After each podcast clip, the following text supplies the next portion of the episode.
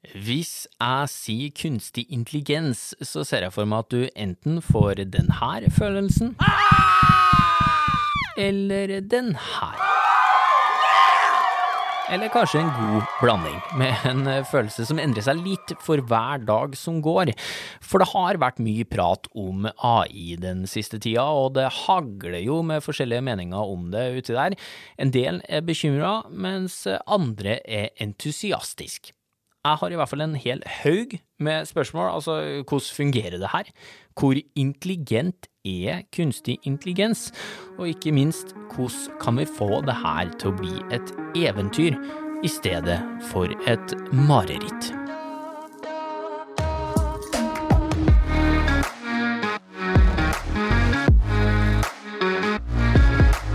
Du hører podkasten Smart forklart med Aksel Faanes Persson. Hjertelig velkommen til en ny episode av Smart forklart, podkasten fra oss i Sintef der du risikerer å bli litt klokere og få litt større tro på framtida for hver eneste gang du lytter innom. I denne episoden så skal vi snakke om det som har vært noe av det hotteste på nyhetsfronten det siste halvåret, nemlig AI, Artificial Intelligence, eller kunstig intelligens, da, som det heter på norsk, med forkortelsen KI, blir vel norske da.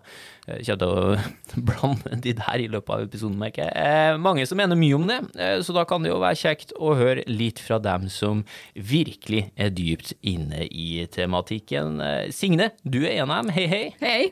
Signe Rimer Sørensen er hele navnet ditt. da. Danmarks svar på Erling Braut Haaland når det kommer til kunstig intelligens. Og vi er jo så heldige da at vi har signert deg her på laget i Sintef. Eh, doktorgrad innen astrofysikk i bunn, og nå forskningsleder, da. Og vårt eh, AI-fyrtårn, skal vi kalle deg det. Ja, hyggelig å få være med. Ja, Det er hyggelig å ha deg med. Eh, Og Trond Runar Hagen, da. velkommen til deg også. Takk for det. Digitaliseringsdirektør her i Sintef, eh, som leder en avdeling full av AI-forskere. Og det er jo faktisk noe vi begynte å forske på for over 50 år siden i Sintef. Det stemmer det. Vi har forska på det veldig lenge. 50 år var jo før jeg var født. så Ja, det er viktig å få med. Ja, så, så, så hva vi gjorde i den tida, det er jeg litt usikker på. Eh, men vi hadde i hvert fall eh, Det har vært gjort litt narr av det. For vi hadde den gang da også eh, fighten mellom ekte intelligens og det kunstig intelligens. Så vi hadde faktisk et skilt i avdelinga der det sto de som jobber med kunstig intelligens, og de som jobber med ekte intelligens. på Ja. Så det var eh, det har, vi, det har vi drevet med lenge. Men, ja. men det var litt andre, annen kunstig intelligens enn det vi driver med nå. Ja, men Hva så man for seg på den tida, Signe? Altså På den tiden så, så man jo for seg, forskerne så for seg at det skulle bare gå fem til åtte år, og så ville vi ha menneskelig intelligens, eller kunstig intelligens på høyde med menneskelig intelligens. Ja, Litt skuffa etter åtte år, da. Ja. Ja, Litt skuffende nå, kanskje? skuffet da, da. For vi er ikke der ennå, heller. Nå er vi kanskje nesten der. Um, hvis du har en samtale med ChatKPT, så kan det føles som om den er intelligent. Ja, Men den er ikke det. Nei. Nei, vi skal komme tilbake til det. Eh, og så må jeg bare legge til da, at utviklinga går så fort her eh, at eh, vi må nevne at vi er i midten av mai 2023 når vi spiller inn det her. Det kan faktisk ha skjedd ting allerede før vi rekker å publisere denne episoden. Så har vi nevnt det jo da. Eh, men, men nå har det jo plutselig gått fort der, da. Eh, utviklinga av kunstig intelligens. Hvorfor har det plutselig gått så fort nå? Altså Det som var flaskehalsen for, for 50 år siden, det var beregningskraft. Uh, vi hadde simpelthen ikke computere som var kraftige nok. Det har vi i dag, og vi har masse data. Ja, så, så to viktige faktorer. De er sterke nok til å regne ut, og de har dataen til å, å, å faktisk gjøre utregninga. Så de metodene som man laga tidligere, for 50 år siden f.eks., de var egentlig ikke egna til å løse noe særlig problem, for vi hadde ikke nok data til å trene dem opp. Nei. Og man hadde ikke nok eh, datakraft til å klare å, å faktisk eh, trene opp alle. Ja, og så har jo mange av oss nå inntrykk av at eh, nå har det kommet kjempelangt. Og så må jeg da stille spørsmålet hvor intelligent er egentlig kunstig intelligens? Altså, er jo ikke, vi har jo ikke kunstig intelligens som er intelligent i sånn menneskelig forstand. Uh, vi har kunstig intelligens som kan løse spesifikke oppgaver. Altså, ChatKPT kan jo både prate og skrive programvarer, men den kan ikke koke kaffe. Nei, nei, nei, men altså, den virker jo ganske smart når du snakker med den. Jo Altså det som er med, med, med ChatGPT, at den er trent opp basert på masse data som mennesker har produsert. Og det prøver å etterligne det. Statistisk sett prøver å etterligne den dataen den allerede har blitt trent opp på. Og da, da framstår det jo som man produserer tekst eller programvare som er skrevet av mennesker, og at han tenker sjøl. Men i realiteten er det egentlig stort sett bare statistikk. Jeg bare gjengir ting som, Ja. eh, Ja, som finnes der fra før finnes. Ja. Ja. Jo, men det er samtidig når du sitter her, da, det, og det er kanskje en av misoppfatningene her, man opplever jo at man snakker med én person, nesten. Eh, for deg som ikke har brukt chat-GPT da, så er det jo, eller lignende, så, så er det sånn at man, man skriver inn et spørsmål, og så begynner eh, maskiner da å svare deg, men du ser på en måte eh, svaret mens det skrives. Det kommer bokstav for bokstav. Det er jo eh, kanskje et grep, bare det, da. Eh, Så det, den gjør, at den predikerer hva er det neste år mest sannsynlig, og så skriver den det. ja. Øh, og det eneste den kan, det er språk. Den, kan, den har som sånn ikke noe kunnskap. Så den kan bare fortelle hva er det neste år, mest sannsynlig. Og så er den fantastisk god til å skrive. Den har lært seg opp på å presentere det innholdet den måtte ha, på en veldig god måte. Så det betyr at han kan like gjerne beskrive noe som er fullstendig galt, men veldig overbevisende. Ja. Og dermed så får du den effekten av at eh, vi mennesker vi blir litt betatt av det her og tenker yes, dette, er, dette, er, må, være, dette må være intelligent. For så bra klarer jo ikke mennesker engang å beskrive et problem. Er det tidenes mest uh, sjølsikre mansplainer? Er det, lov, er det lov å si det? Ja. ja. nei, ok, men, men alle som har brukt den, har jo også oppdaga at det er en del begrensninger. da. Det er en del feilopplysninger. Eh, serveres da eh, som eh, helt overbevisende fakta. Eh, men eh, kunstig intelligens, vi må innom det, og hva er det for noe? Altså, Kunstig intelligens er jo en samlebetegnelse på hvordan vi får maskiner til å oppføre seg intelligent. Vi har bare ikke riktig definert hva intelligent er. Um, og det dekker over, altså, og så brukes det, det dekker over veldig mye, og så brukes det kanskje enda bredere enn det det egentlig er. Ja. Det er ikke, det er ikke én ting. Nei. Det, Så det, det er litt sånn eh, i, i samfunnsdebatten så brukes det så mye. Men de som jobber med kunstig intelligens, de jobber egentlig med maskinlæring, som er en eh, litt mer spesifikk del av, av kunstig intelligens. Som, eh, som, som er dyp, gjerne dypere neurale nett som, som er trent opp av mye, mye data. For- så, eh, så mens, eh, når man snakker om kunstig intelligens, så eh, i, i det brede så er det gjerne snakk om, om maskiner som oppfører seg intelligent, sånn som vi mennesker tenker. men den vanligste måten å få maskiner intelligent på, er altså Maskinlæring. Ok. Som er en type algoritme hvor jo mer data den får se, jo mer lærer den. Ja. Og den kan lære over tid, og den kan endre seg over tid. Men, men hvordan lærer den, da?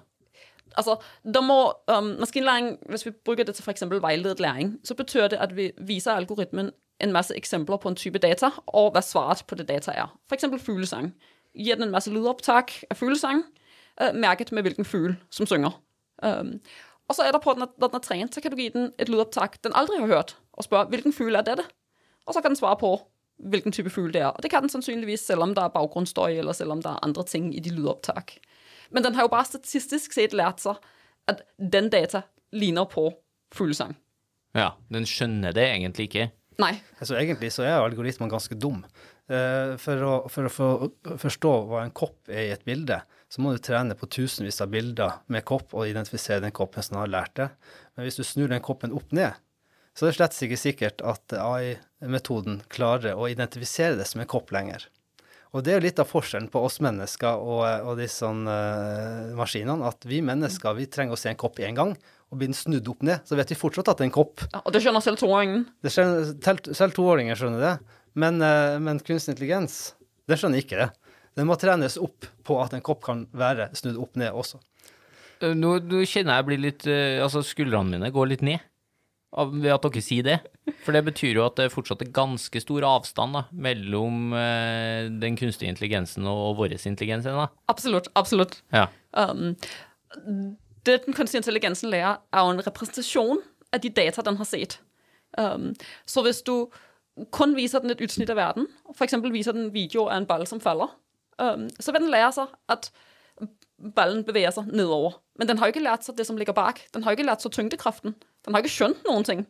Uh, den har bare lært seg at i alle de videoer jeg har sett, beveger ballen seg nedover. Så den kan ikke, den kan ikke resonnere, og den kan ikke lære verden. Den kan kun lære representasjoner av data. ja. Men måten den lærer på, altså, sier dere, er at man blir fora mange nok gang med at det der er en kopp. Og når du har sett det bildet mange nok gang, så forstår du at neste gang du ser et veldig likt bilde, så er det der en kopp. Ja, og så må du da bare passe på å fòre, maskinen med at det, er den samme koppen. Den bare ser sånn ut når den er opp ned òg. Ja. Nettopp. Og det, derfor betyr det at du må ha veldig mye data. Ja, det skulle du si det. Det er ekstremt mye data som skal til, da. Ja. Hvis du skal vise alle forskjellige vinkler og sånn. Ja. Og det er en stor svakhet ved de fleste av de typer algoritmer vi jobber med i dag, er at de krever så innmari mye data. Det krever så mye datakraft at det er veldig få aktører som klarer å trene opp de store modellene. Og sånn som ChatJPT, de modellene er så store at det er nesten ingen som er i stand til å trene opp eh, språkmodeller som er like store. Så, eh, så det, er, det er et problem. eh, sånn. Så, så vi er jo opptatt av at, at forskninga skal fokusere også på å, å trene modeller med mindre data. Kanskje trene modellene med litt mer fysikkinformasjon. fysikkinformasjon. Sånn at du klarer å koble den, den kunnskapen vi har eh, om, om verden og fysikken, med de datadrevne modellene. Men vil de noen gang skjønne konseptet med tyngdekraft, da? Altså, Det må jo stå en forklaring på det en eller har plass i dataen som de kan bruke. Ja, hvis vi ser på hvordan, hvordan ChatKPT for eksempel oppfører seg når det gjelder enkel matematikk. Den skjønner jo at 2 pluss 2 er 4. Det har den sett masse eksempler på på nett. Den har også sett masse eksempler på hvordan den skal regne det ut. Men det skjønner den jo ikke, for hvis du øker verdien på tallene, hvis du kommer opp på tresifret eller firesifret tall, så gjør den feil. Hele tiden. Den, den, fordi den skjønner ikke reglene bak matematikk. Den skjønner bare de eksempler den har sett. Og det er mange flere eksempler på 2 pluss 2 er 4 enn på mye større tall. Ja, hva andre ting kan de ikke lære seg? Altså, det er fysikk, matte Hvis vi ser på noen av de mest fascinerende kunstig intelligenser, synes jeg, så er det de som spiller spill. De som spiller sjakk øh, og go og øh, shogi og altså, masse forskjellige spill, computerspill. Da er det jo ikke den samme algoritme, den samme type algoritme som kan lære alle spillene, men det, du må ha en ny instans av algoritmen som blir trent hver gang på et nytt spill. Den samme algoritme kan ikke lære to spill. Nei. Så hvis du er god i sjakk, så er du ikke nødvendigvis god i et annet spill? Nei. Hvorimot et menneske kan jo lære seg masse spill, og sannsynligheten for, hvis du er flink i sjakk, at du så blir flink i et annet strategispill, er ganske høy. Men sånn fungerer det ikke når det er kunstig intelligens. De er veldig spesialisert. Men hvorfor ikke det, da? Det er jo en del som spill som ligner på hverandre. Altså, det må være noe som ligner på sjakk. Ja, men det er fordi de er så spesialisert at den må lære seg eksplisitt de reglene. Og så går det ikke an bare å overføre de til at det blir noe annet når du spiller et annet spill. Nei.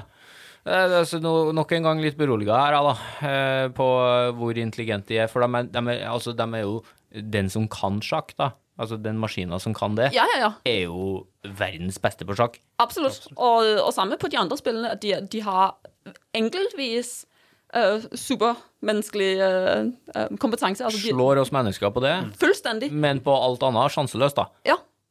Ok.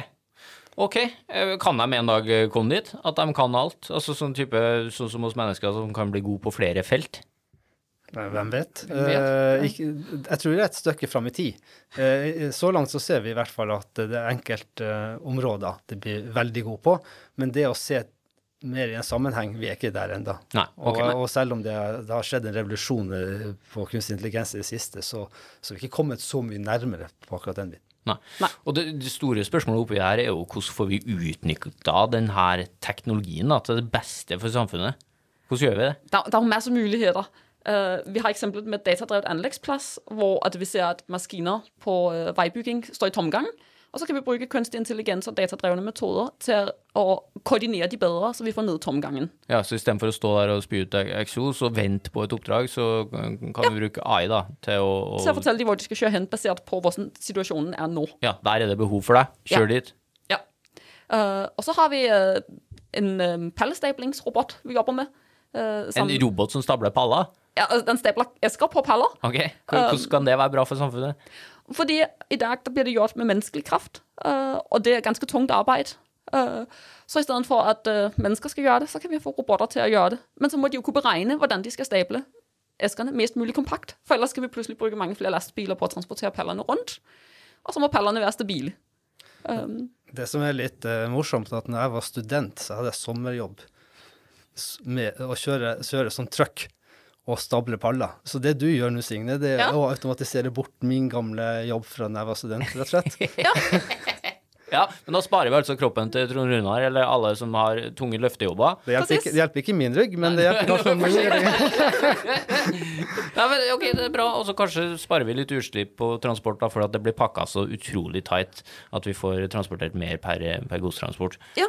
Så bruker vi det til å se, at, det at detektere feil i vindturbiner. For eksempel. Uh, kjører de mest mulig optimalt, sånn så, de ikke, så det ikke oppstår feil på vinteren hvor man ikke kan komme inn og reparere de. Ja. Um, eller på bildediagnostikk på um, ultralyd. Uh, hjelp doktorer med å avgjøre om det er um, kraft eller ei.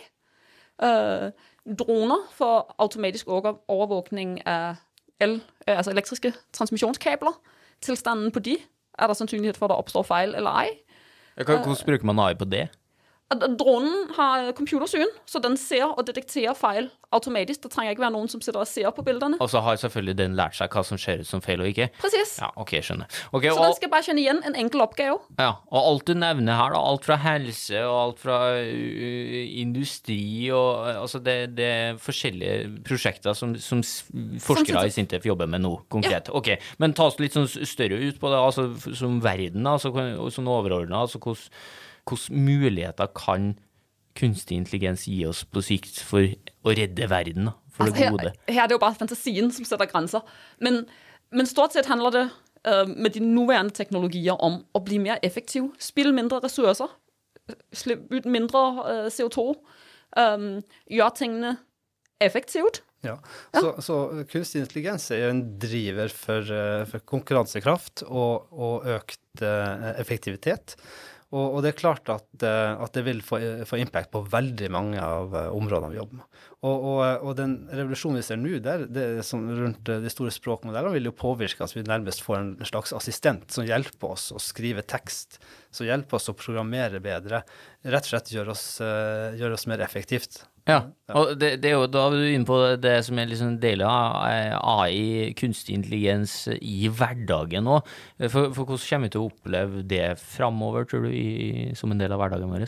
Ja, det, det kommer inn overalt. Altså, vi ser det allerede i hjemmene våre med robotstøvsugerne som har blitt eh, mye smartere enn de var for ti år siden. Er det kunstig intelligens i robotstøvsugeren vår? Ja, det er klart det. Okay. Altså, det er masse sensorer på støvsugeren, og informasjon fra den sensoren brukes til å be behandle hvordan banen til den robotstøvsugeren hvordan skal gå hen, hvordan den ikke skal gå hen.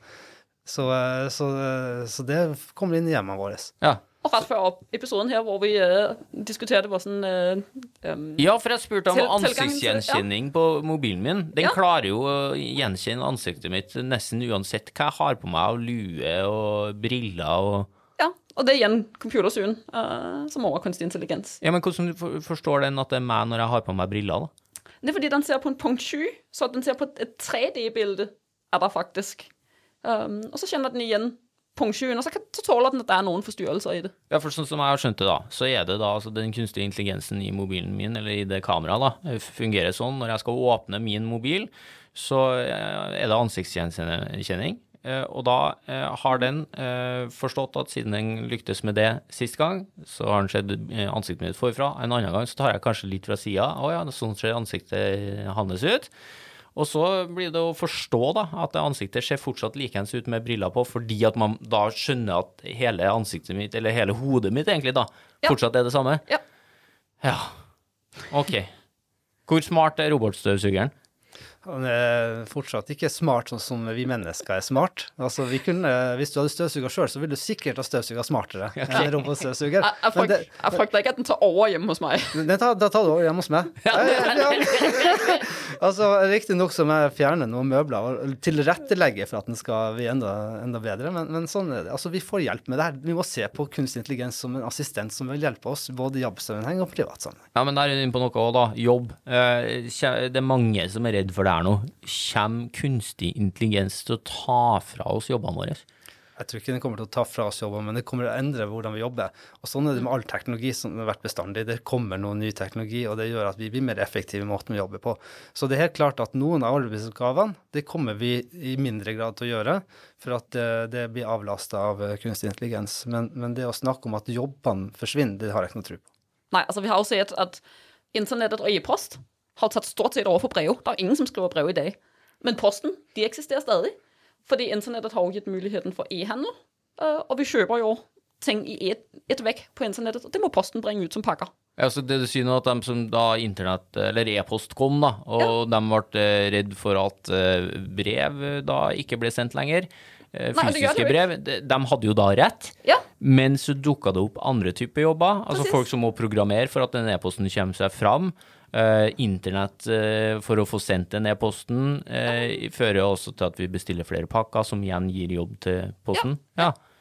ja. så det er håp, da. Sjøl om det forsvinner noen jobber, så vil det dukke opp noen nye. Ja, og det vil endre måten vi jobber på. Absolutt. Så uh, framtida ser lys ut. Men uh, endre måten vi jobber på, hvordan da? Altså, vi får personlige assistenter som Vil det bli lettere for meg på jobb, er det du sier? Ja, forhåpentligvis. Ja, det vil jeg tro. Altså, du med din bakgrunn kan jo eh, ha sikkert mange eh, AI-verktøyer som kan hjelpe deg i hverdagen å produsere tekst, f.eks. Slipp å skrive referat, Slipp å skrive referat, ja, få hjelp til det. Det er jo eh, veldig nyttig. slipp å skrive sammendrag. Ja. Ja. Be, be dem å skrive sammendraget før det. Ja, slipp å generere bilder til presentasjoner. Ja. Er det muligheter. Eh, men- da vi liksom Er det, det er det først og fremst sånne jobber som er kontorjobber, da, som blir påvirka, eller? Jeg tror det kommer til å slå ut, uh, slå ut overalt. Ja, for dere Ja. nevnte jo det palle, pallepakking. Ja, da. altså, så jeg tror nok vi i, i Sintef uh, vi forsker jo mer på det som er industrielt retta, enn det vi gjør, eh, enn enn det som de store tech-firmaene i USA gjør, som lager de enorme språkmodellene. Så jeg tror nok at det, det kommer til å slå påvirke næringslivet og offentlig sektor i Norge i stor grad. På en god måte. Absolutt.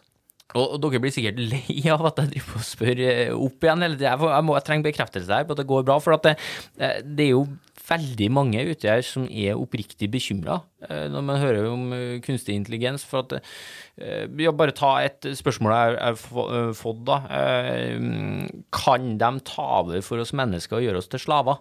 Det er jo helt motsatt. Det er jo kunstig intelligens som er slavene til oss mennesker. Ja, akkurat nå, akkurat nå, ja. Ja, og sånn kommer det til å fortsette å være. Det okay. de, de, de gjør ikke noe annet enn det vi mennesker ønsker det skal gjøre. Ja, men hvis en kunstig intelligens øh, utvikler en annen kunstig intelligens, da? Kan det skje? Og så plutselig blir den smartere enn den som utvikla, og så går det videre, og så går det videre, og så står vi nå her, da.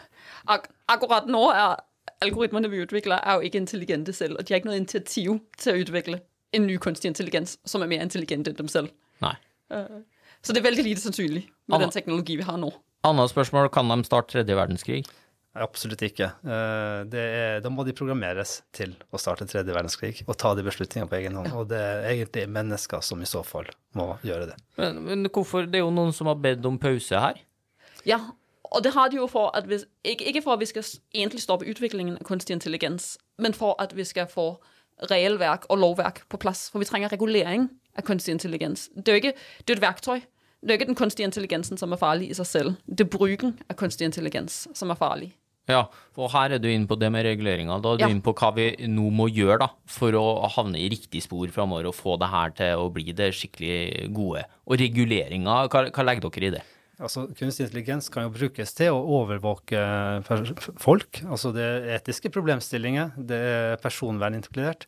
Og, og når man har sånne eh, problemer, så trenger man å regulere hvordan bruken av kunstig intelligens skal være. Hvordan gjør man det, da? Da må vi ha politikerne på banen. Det er de som, eh, det er de som setter lovverket. Så skal vi informere dem om hva problemene er.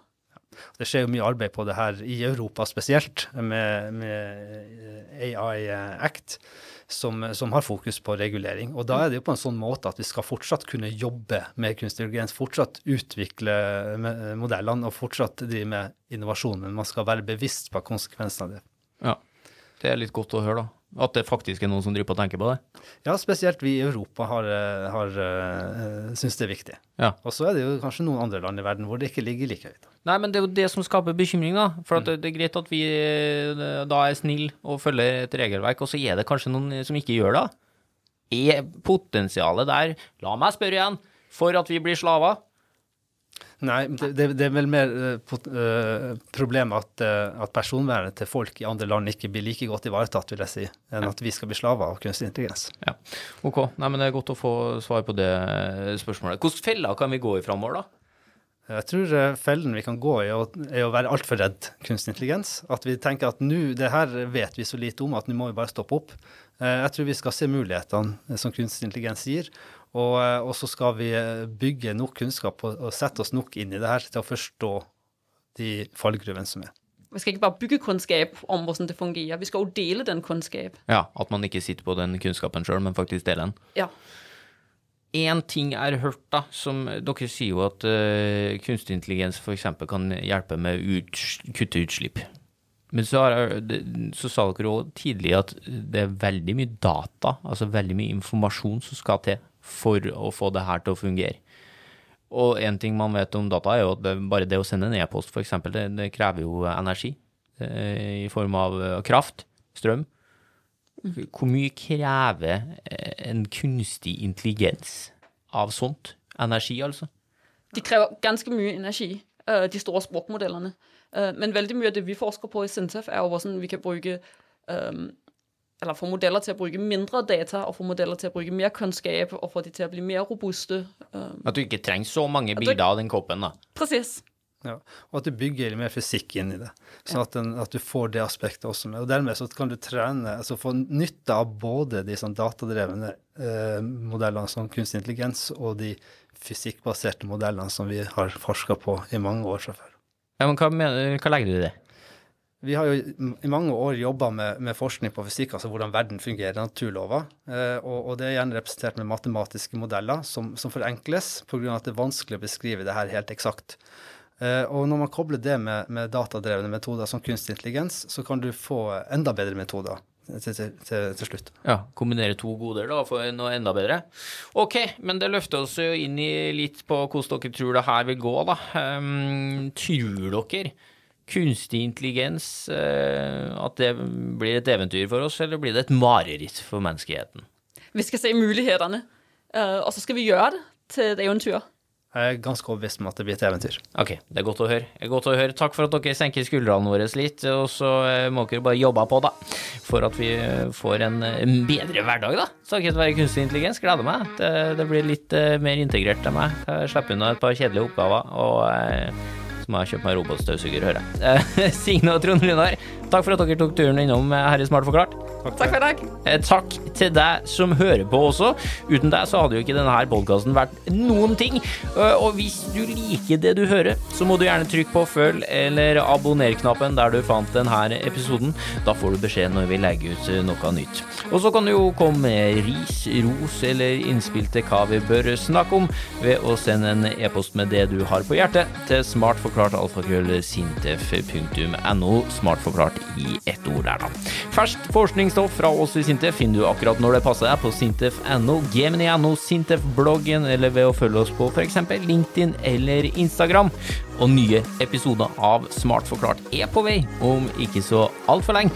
Og i ventetida fram til da skal forskerne her i Sintef fortsette å utvikle teknologi for et bedre samfunn.